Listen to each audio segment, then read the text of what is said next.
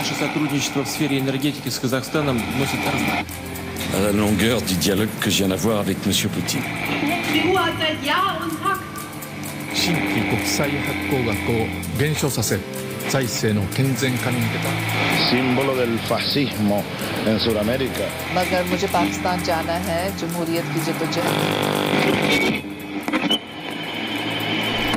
En nasjon bygd opp av olje og store ressurser fordelt på ytterst få.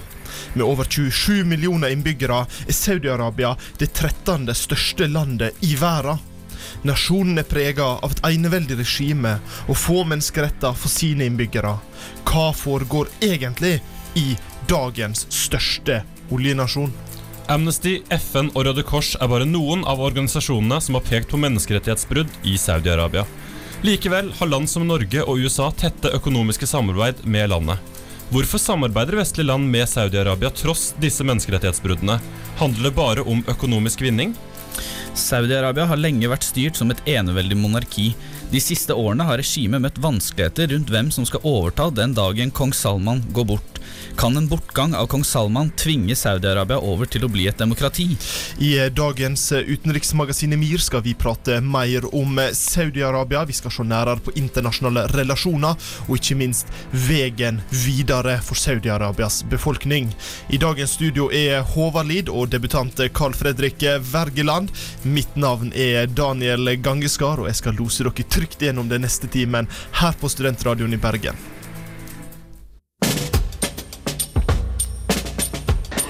Dette er forsvarsminister Ine Eriksen Søreide. Du hører på utenriksmagasinet MIR. Saudi-Arabia, golfstaten som er en av verdens største oljeprodusenter, og en militær stormakt i sin egen region. Men før vi begynner å gå nærere inn på Saudi-Arabia, kan du gi oss noe geografisk informasjon, Karl Fredrik? Det kan jeg gjøre. Saudi-Arabia er et veldig stort land, både når det kommer til folketall og areal. Det er eh, verdens 13. største land når det kommer til eh, areal. Mens eh, det topper topp 30-lista på folketall med ca. rundt 30 millioner mennesker. Eh, Så når det kommer til naturressurser, så har det ikke så veldig mye naturressurser bortsett fra én, nemlig olje. Det er et veldig stort ørkenland, mye ørken, lite vann. Det grenser til både Rødehavet og Persiagulfen. Og Saudi-Arabia har vært et fredelig land innad, noe som er ganske spesielt i og med at de har Irak, Jordan, Jemen, Kuwait, veldig konfliktfylte land rundt seg. da. Det, er jo, det er et meget godt poeng akkurat der, Håvard. Vi skal jo komme litt nærere tilbake nå etterpå og prate om internasjonale relasjoner eh, til, til Saudi-Arabia. Men, men, men, men er det mulig at Saudi-Arabia kan fortsette der som en fredelig nasjon, når man ser den geografiske eh, gryta den ligger i? Ja, det skjer absolutt veldig mye rundt Saudi-Arabia. Mye uro, spesielt i Jemen. da. Eh, Det som er helt avgjørende, er økonomisk fremgang, noe Saudi-Arabia har hatt ganske lenge.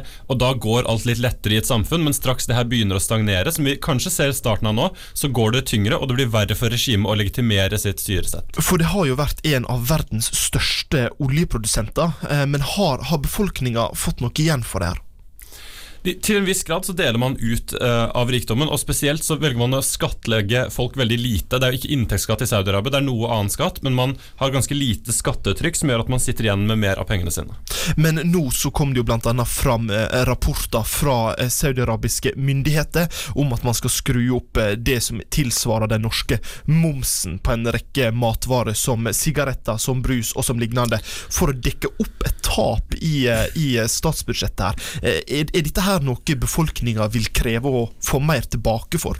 Ja, Det kan man jo fort se for seg, for det er jo sånn som Håvard sagt, det er jo ingen inntektsskatt. og Saudi-Arabia har jo dekket dette med oljeinntekter, men nå når oljeprisen har falt så veldig, så må man finne andre måter å, å dekke disse underskuddene i budsjettene på. da. Og da har jo, um, sånn som du sier, en, en av metodene, eller en av teoriene man kan bruke, er å da skattlegge utenlandske produkter som brus og tobakk osv., eller innføre inntektsskatt. Men det kan jo stille spørsmål blant befolkningen at hvis vi må begynne å betale staten, så vil ha noe tilbake, og da følger jo gjerne stemmeretten som noe av det første man vil ha tilbake. da. Men nå har Saudi-Arabia lenge vært en av verdens rikeste nasjoner, eh, men likevel har, eh, har man hatt ei lite vestlig tilnærming, og religion står jo ekstremt sterkt i, i Saudi-Arabia i dag, Håvard. Saudi-Arabia har valgt en eh, del av islam som starta på 1700-tallet, som kalles wahhabisme. Eh, De ønsker seg tilbake til gullalderen, tilbake til profet, profet Mohammed, og leve slik som han. Eh, Dette innebærer veldig streng sharia-lov og veldig strenge straffer. Det er ikke bare fengsel, men der man kapper av hender og bein, og man utfører også veldig mange henrettelser. Er det der akseptabelt for en, en moderne stat i dag, Carl Fredrik? Det er jo selvfølgelig ikke akseptabelt uh, å behandle befolkningen sin på, på en slik måte, men uh, må man også tenke på at Saudi-Arabia er hel, et helt annerledes land enn våre vestlige demokratier, som er basert på helt uh, Det er en helt annen kultur som ligger til grunn i samfunnet. Men vil ikke ei fortsatt streng opprettholdelse av religion og en stadig svekka økonomi være negativt for Saudi-Arabias myndighet i form av at man vil kreve stemmerett, at man vil kreve mer rettigheter for kvinner og minoriteter? Jo, og spesielt vanskelig er det hvis man ser på andre arabiske land som har kommet seg videre. Tar du Marokko, tar du Jordan, så er dette sekulære land med, med innslag av demokrati. Det er ikke demokratiske land, men langt større rettigheter til borgerne sine. Og straks Saudi-Arabia begynner å se dit, eh, og ser kanskje at de også burde hatt det sånn. I slutten av 2016 gjorde vår kjære medarbeider Håvard Lid et intervju med professor Knut Vikør om Norges forhold til Saudi-Arabia. Og når vi kommer tilbake nå etter eh, låta, så skal vi få høre det intervjuet. Mandag den 18. mai la saudiarabiske myndigheter ut en stillingsannonse der de etterlyste åtte nye personer til å utføre amputasjoner og henrettelser av egen befolkning. Landets styresett praktiserer wahhabisme, en fundamentalistisk tolkning av islam. Tross stor oljerikdom driver landet systematisk undertrykkelse av kvinner, regimemotstandere og folk av annen religiøs oppfatning. Den 9. januar ble bloggeren Raif Badawi dømt til 1000 piskeslag og 10 års fengsel for å ha fornærmet islam. Sammen med Iran og Kina topper Saudi-Arabia statistikken for antall dødsdømte. Hvordan kan Norge og andre vestlige land ha et så stort økonomisk samarbeid med et land med et så brutalt menneskesyn? Jeg spurte Knut Vikør, professor i historie ved Universitetet i Bergen, hvordan norske myndigheter kunne forsvare et samarbeid med Saudi-Arabia. Den viktigste grunnen til eh, at vi samarbeider med Saudi-Arabia, er jo åpenbart at eh, Saudi-Arabia er en av verdens største oljeeksportører, og at Norge er et av andre av verdens største oljeeksportører. Derfor så har vi åpenbart eh, behov for å ha eh, kontakt med det landet. Så det går utenpå de politiske eh, eh, hensynene. Men samtidig så er jo Saudi-Arabia og Norge begge alliert med, eh, med USA, står nær eh, USA, i, eh, også i Midtøsten. Det vi ser i den nåværende kampanjen mot IS, som, eh, der Norge deltar i en koalisjon i Syria og Irak med USA og mange andre land, og der som Saudi-Arabia ha sendt inn en viktig komponent. Til Aftenposten kunne statssekretær Bård Glad Pedersen fortelle at et økt samarbeid med Saudi-Arabia også ga Norge større rom for å kritisere regimet. Jeg ville vite hvor reell denne påvirkningsmuligheten er. En direkte påvirkning har vi åpenbart ikke. De Saudi-Arabia bryr seg svært lite om hva andre land mener om eh, situasjonen inne i landet.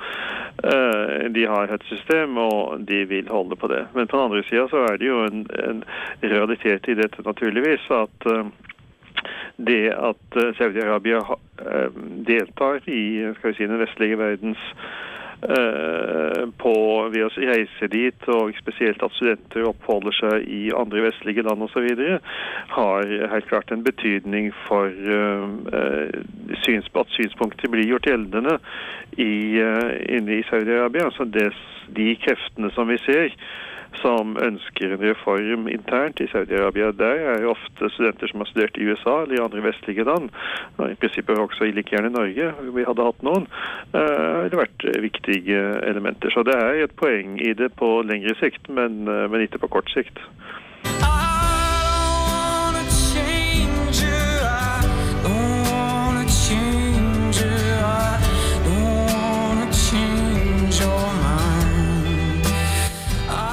Som følge av menneskerettighetssituasjonen i Saudi-Arabia valgte Sverige å fryse all militært samarbeid med regimet og hente hjem sin ambassadør.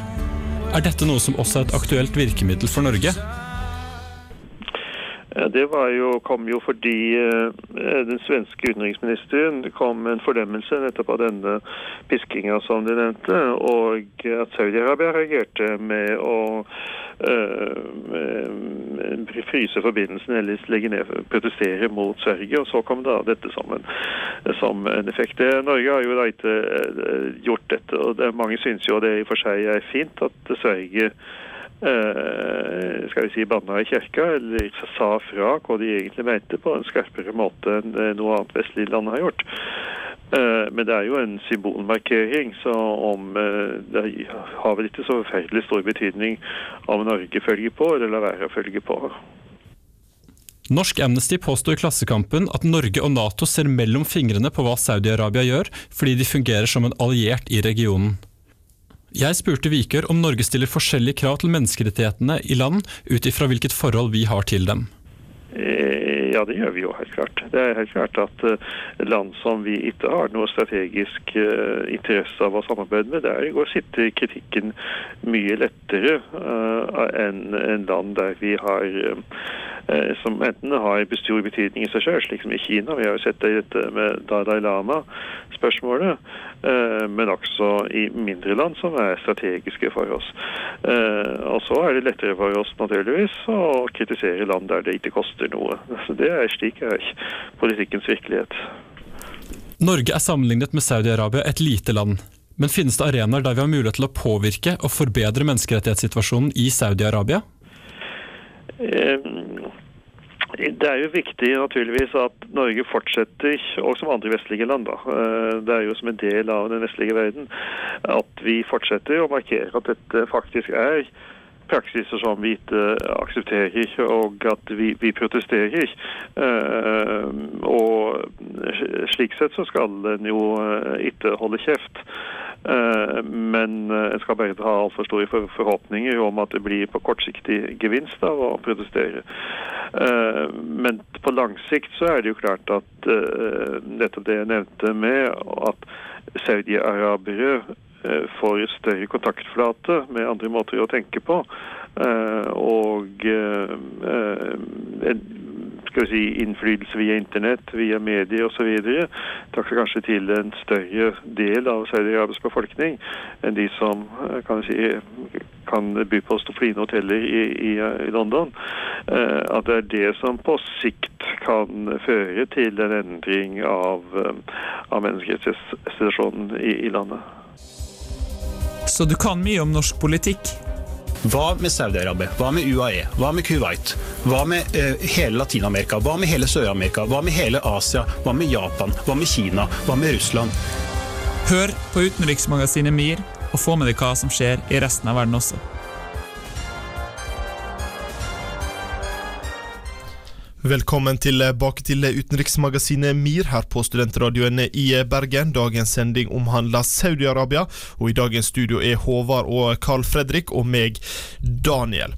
Saudi-Arabia er en nasjon som i stor grad har benytta meget strenge praktiserende metoder for, i, for religion når det gjelder bl.a. bestraffelse. Eh, Helene Skjeggestad skrev for ikke så lenge siden i Aftenposten og stilte spørsmålet er Vestens forhold til Saudi-Arabia dobbeltmoralsk, med tanke på man halshugger, man praktiserer meget strenge typer for islam, eh, og trakk annet paralleller til IS. Eh, er, du, er du enig i det, Håvard? Dette er en parallell flere har sett, og Saudi-Arabia skal nå saksøke alle som trekker denne parallellen, for de ønsker jo ikke å bli sammenlignet med IS.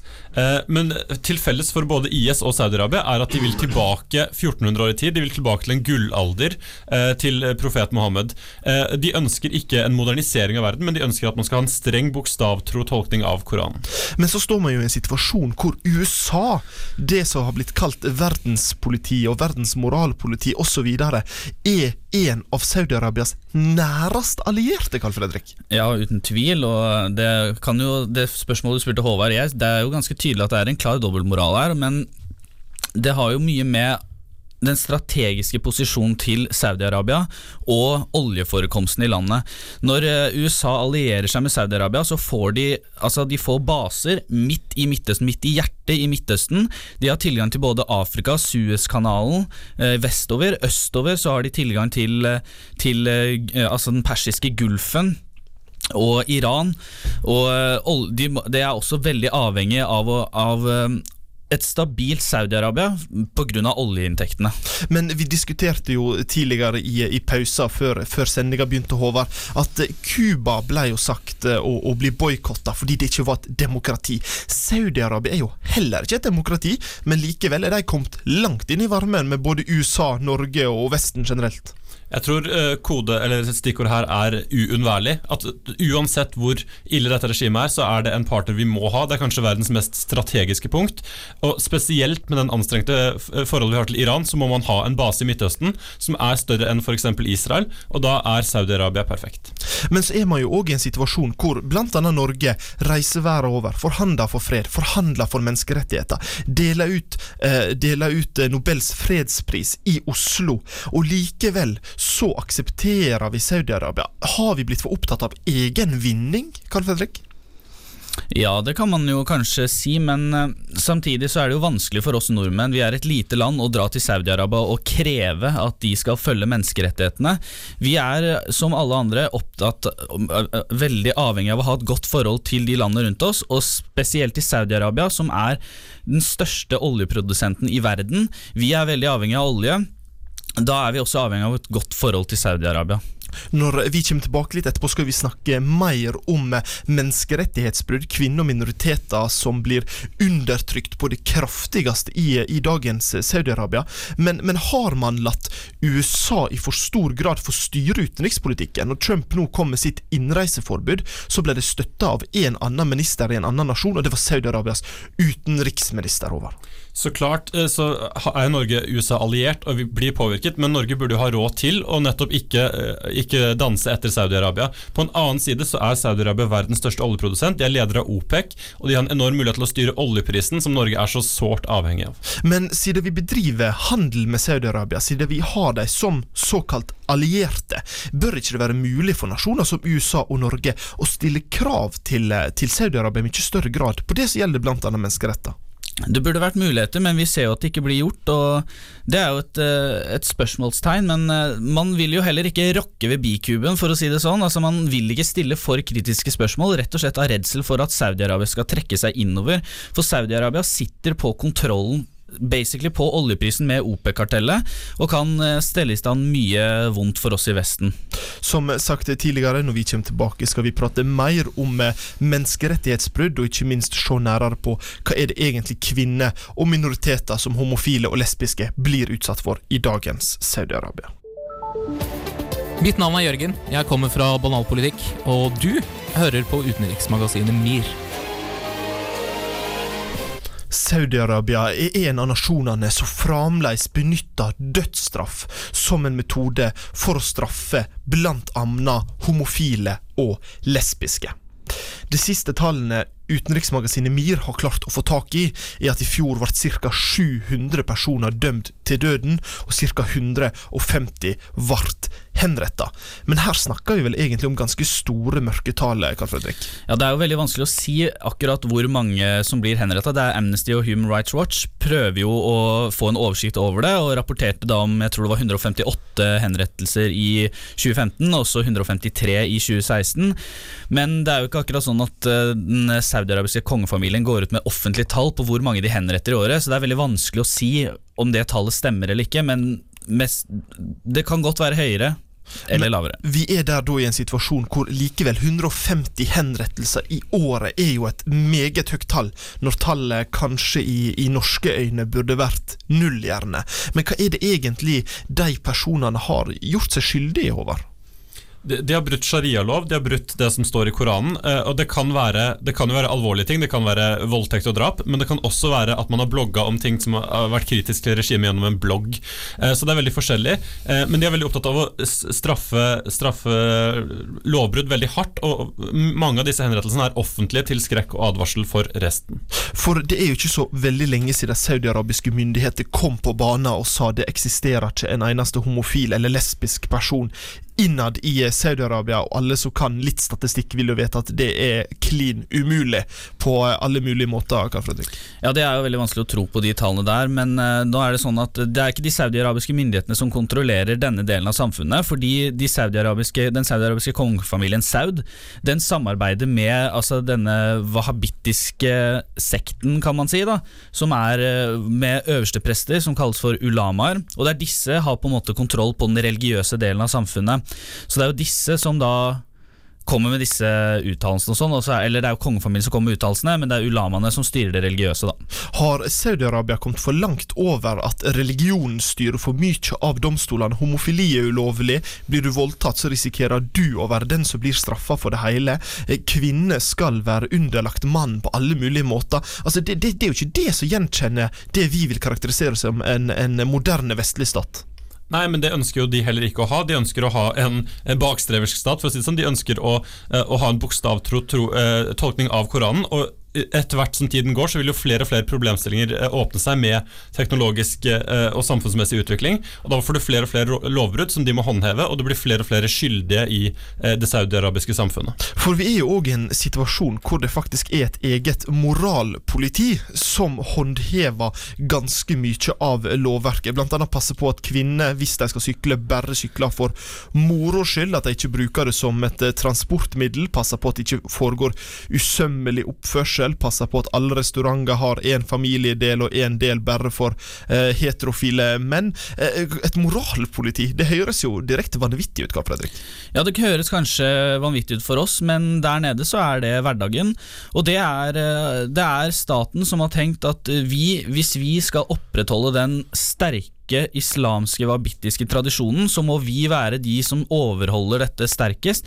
og Derfor har de da innført dette moralpolitiet, som passer på at eh, sharialovene og Koranen blir fulgt i alle deler av samfunnslivet, stort sett. Det eneste unntaket vi ser her, med, med tanke på tilpasning av lover, er eh, kommersialisme, altså økonomisk utvikling. Da har man gjort en del unntak. Islam er ikke lov å ta renter, man skal ikke drive bankvirksomhet osv. Dette er det jo i stor stil i Saudi-Arabia, men det må man ha for å kunne opprettholde resten av regimet. Men så står man jo òg overfor et annet problem, nemlig at tallene fra Saudi-Arabia er vanskelig å få tak i.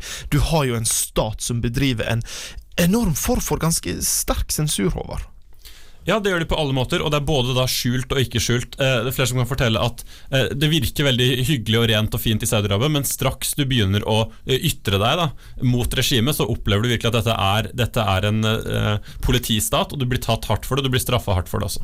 Når vi kommer tilbake, skal vi se nærere på kong Salman og styresettet i Saudi-Arabia, og ikke minst da forhåpentligvis veien videre for en demokratisk stat. For instance, there are prejudices about the age at which people can begin a new career. I will not make age an issue of this campaign. I am not going to exploit, for political purposes, my opponent's youth and inexperience. Det er aldri for sent å lære noe nytt. Utenriksmagasinet MIR hører du mellom 11 og 12 hver fredag på Studentradioen i Bergen. I dag blir Saudi-Arabia styrt av kong Salman på 81 år. Han overtok i 2015 etter sin bror, og ble konge i en alder av 79. For oss høres dette her litt utrolig ut, egentlig, at det er mulig å bli konge såpass seint, men kan du gi oss et lite historisk innblikk i eh, familien, Karl Fredrik? Det skal jeg gjøre. Eh, kong Salman er siste sønnen til Ibn Saud, som er grunnleggeren av Saudi-Arabia. Eh, Ibn Saud var en stor kriger som basically dro rundt i hele det som i dag er Saudi-Arabia, og la landet under seg. og Det ble sagt at han hadde to sverd, ett av kjøtt og ett av stål. Og det med kjøtt det brukte han til å lage massevis av unger, og det er jo det vi i dag ser resultatet av. Det er eh, da kong Salman, som er da den siste av rundt 50 sønner han fikk.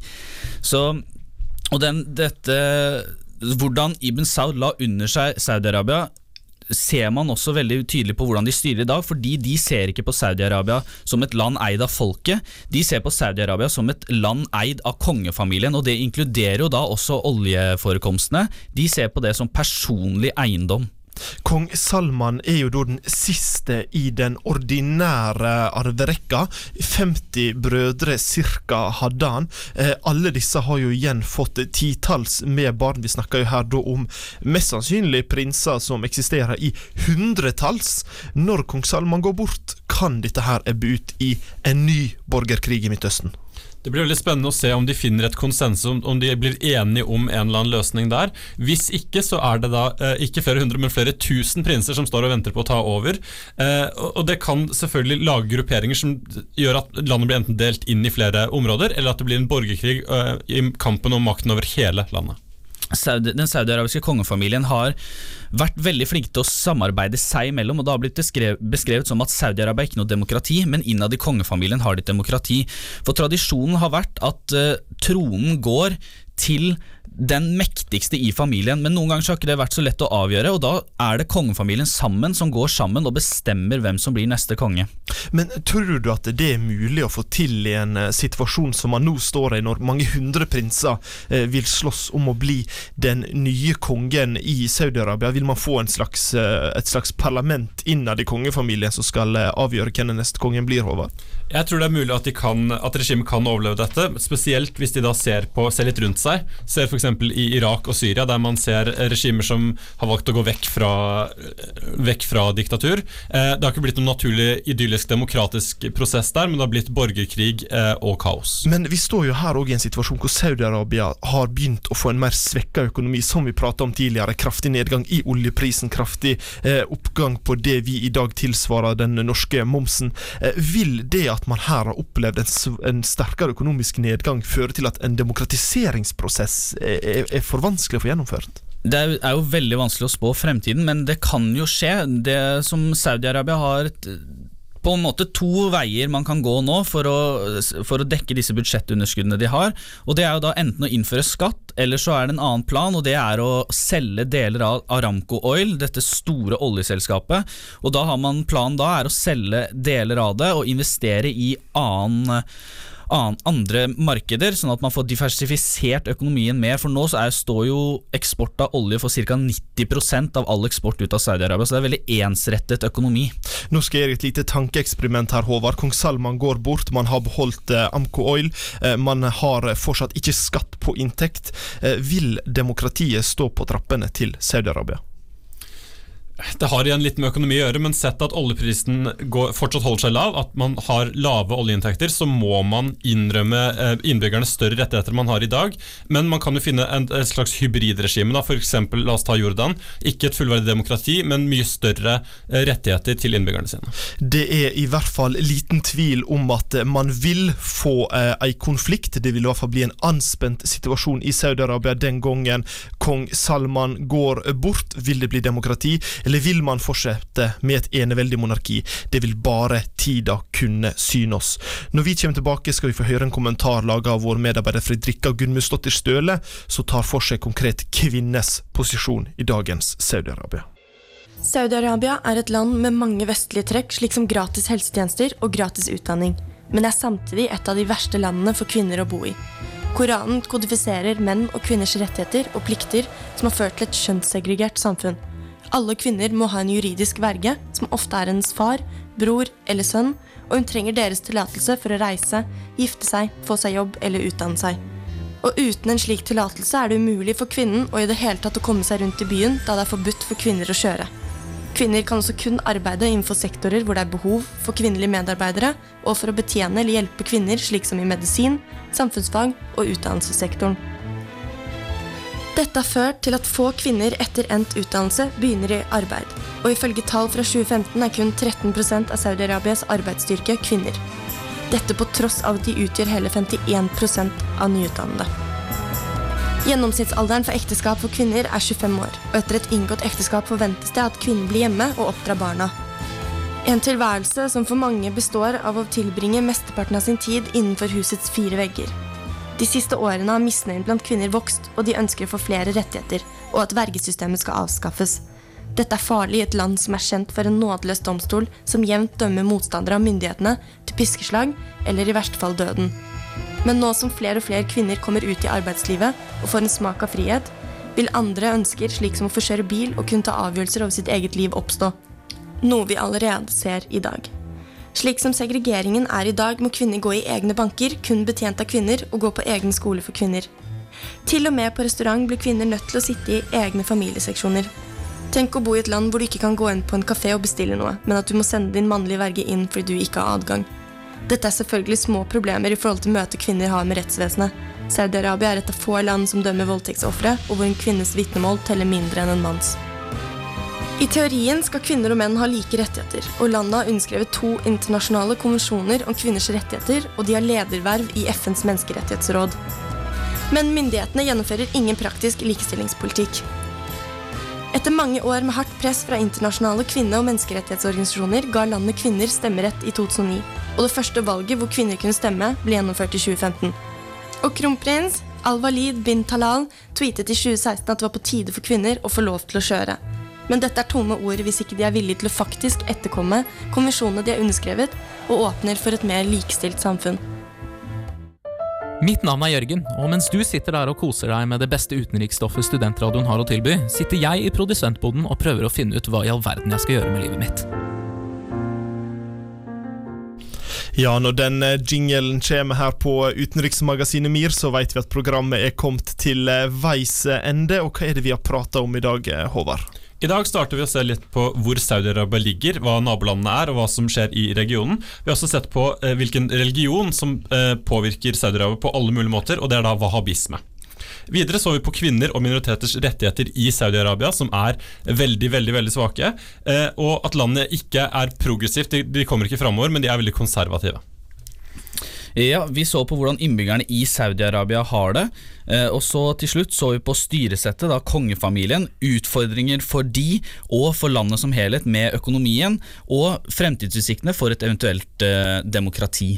Vi fikk òg eh, høre et intervju gjort av vår medarbeider Håvard Lid med professor Knut Vikørn, som omhandler Norges forhold til Saudi-Arabia. Da gjenstår det bare for meg å takke Knut Vikørn og vår medarbeider Fredrikka Gudmundsdottir Støle for vekas kommentar. Tusen hjertelig takk til dere som kunne komme i studio her med meg i dag. Håvard Lid og Carl Fredrik Wergeland. Tusen takk til vår kjære produsent Jørgen Berner Wilhelmsen. Mitt navn er Dani Gangeskar. Det gjenstår bare for meg å ønske alle sammen ei riktig god helg. Husk at dere kan finne oss på Facebook, Instagram og Twitter. Dere kan òg finne oss på srib.no slash utenriksmagasinet MIR, og på iTunes. Abonner, lytt på sendingene og gi oss ei tilbakemelding. Plutopop er neste her på kanalen, så ha en riktig fin dag videre.